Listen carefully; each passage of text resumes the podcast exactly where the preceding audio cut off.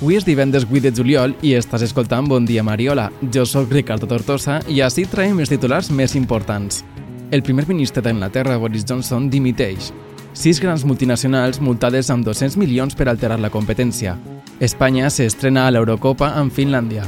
Detectada una proteïna de l'UVIH que es podria aprofitar per a fer fàrmacs. Més de 120 anys de presó per a l'assassí de Marta Calvo.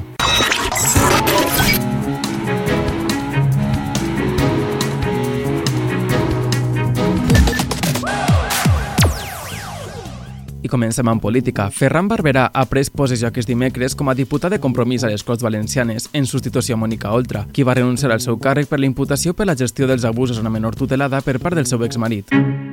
El PSPV vol parlar amb els alcaldes abans de posar en funcionament la tassa turística a la comunitat. Tot i que ho van pactar amb els socis del govern, el partit exposa que la situació econòmica ja no és la que era, amb la guerra d'Ucraïna, i és que s'ha de considerar totes les propostes. A nivel internacional encontramos que Boris Johnson, primer ministro de Inglaterra, ha aceptado dimitir tras la gran cantidad de renuncias en su ejecutivo. Los socios de gobierno anticipan una negociación dura y difícil para los próximos presupuestos. Pedro Sánchez se enfrentará a su primer debate sobre el estado de la nación, calificado de débil y sin rumbo, tanto por sus socios como por la oposición. Junto con esto, los casos como Pegasus y las discrepancias dentro del propio Consejo de Ministros ponen de manifiesto la gran dificultad a la que tendrá que hacer frente el gobierno para aprobar los presupuestos de 2023. Y continuamos amb economía. Diego té més que contarnos. En las cuestiones económicas nos encontramos que seis grandes constructoras de España han sido multadas con 200 millones por alterar la competencia. La Comisión Nacional de los Mercados y la Competencia ha multado a las mayores empresas españolas de la construcción por alterar la competencia en licitaciones para infraestructuras. Entre ellas podemos encontrar Acción a Construcción, Dragados o Sacir Construcción, sumando entre estas y las otras tres un total de 203,6 millones de euros de multa. Por otra parte, nos encontramos que la bolsa española continúa con unas ganancias del 1,01%, pero se mantiene a la espera del Banco Central Europeo. Este último publicará las actas en los próximos días, en las cuales se espera que vuelvan a elevarse los tipos de interés para luchar contra la inflación. Con todo esto, por el momento las pérdidas acumuladas del IBEX 35 se reducen al 7,88%. I ara fem pas als esports amb Pablo Castro. Gracias, Ricardo. Tras el inicio de la Eurocopa Femenina, España se estrenará hoy a las 6 contra Finlandia y dentro del mismo grupo se enfrentarán Alemania contra Dinamarca a las 9.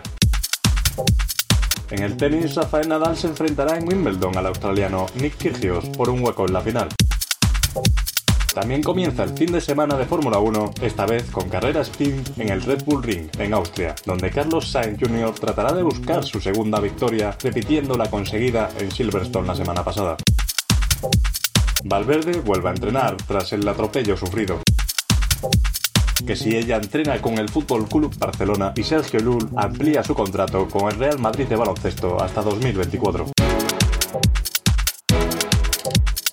I ara introduïm la ciència. Un equip internacional de científics ha identificat una molècula capaç d'estimular la reparació del dany oxidatiu de l'ADN, un avanç que podria ser útil per previndre lesions causades per l'envelliment i patologies com l'Alzheimer, el càncer o enfermetats cardiovasculars.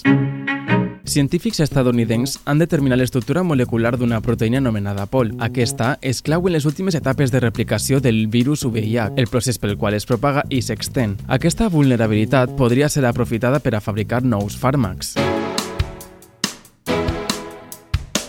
I ara donem pas als successos. Un treballador ha resultat ferit greu durant una demolició a València per la caiguda de tres forjats després de caure d'una altura de 2 metres. El conseller de Sanitat Universal i Salut Pública ha presentat un pla de millora per a l'Hospital Verge dels Lliris que contempla una inversió de 81 milions d'euros i un augment de la superfície d'un 43%. El Ministeri Fiscal demana per penes acumulades 120 anys de presó a Jorge Ignacio Palma per abusar sexualment de 7 jovens i l'homicidi de Marta Calvo i el supost d'homicidi de dos joves més. Tot i que l'última jornada l'acusat va declarar que no va matar a cap de les dones, la Fiscalia ja ha presentat aquest dijous les seues conclusions. I fins així el programa d'avui. Recorda que pots escoltar-nos a Twitter i a Instagram com arroba bondiamariola i que pots escoltar altres podcasts a Spotify o a la web de Bon Dia Mariola. Jo sóc Ricardo Tortosa i has escoltat Bon Dia Mariola.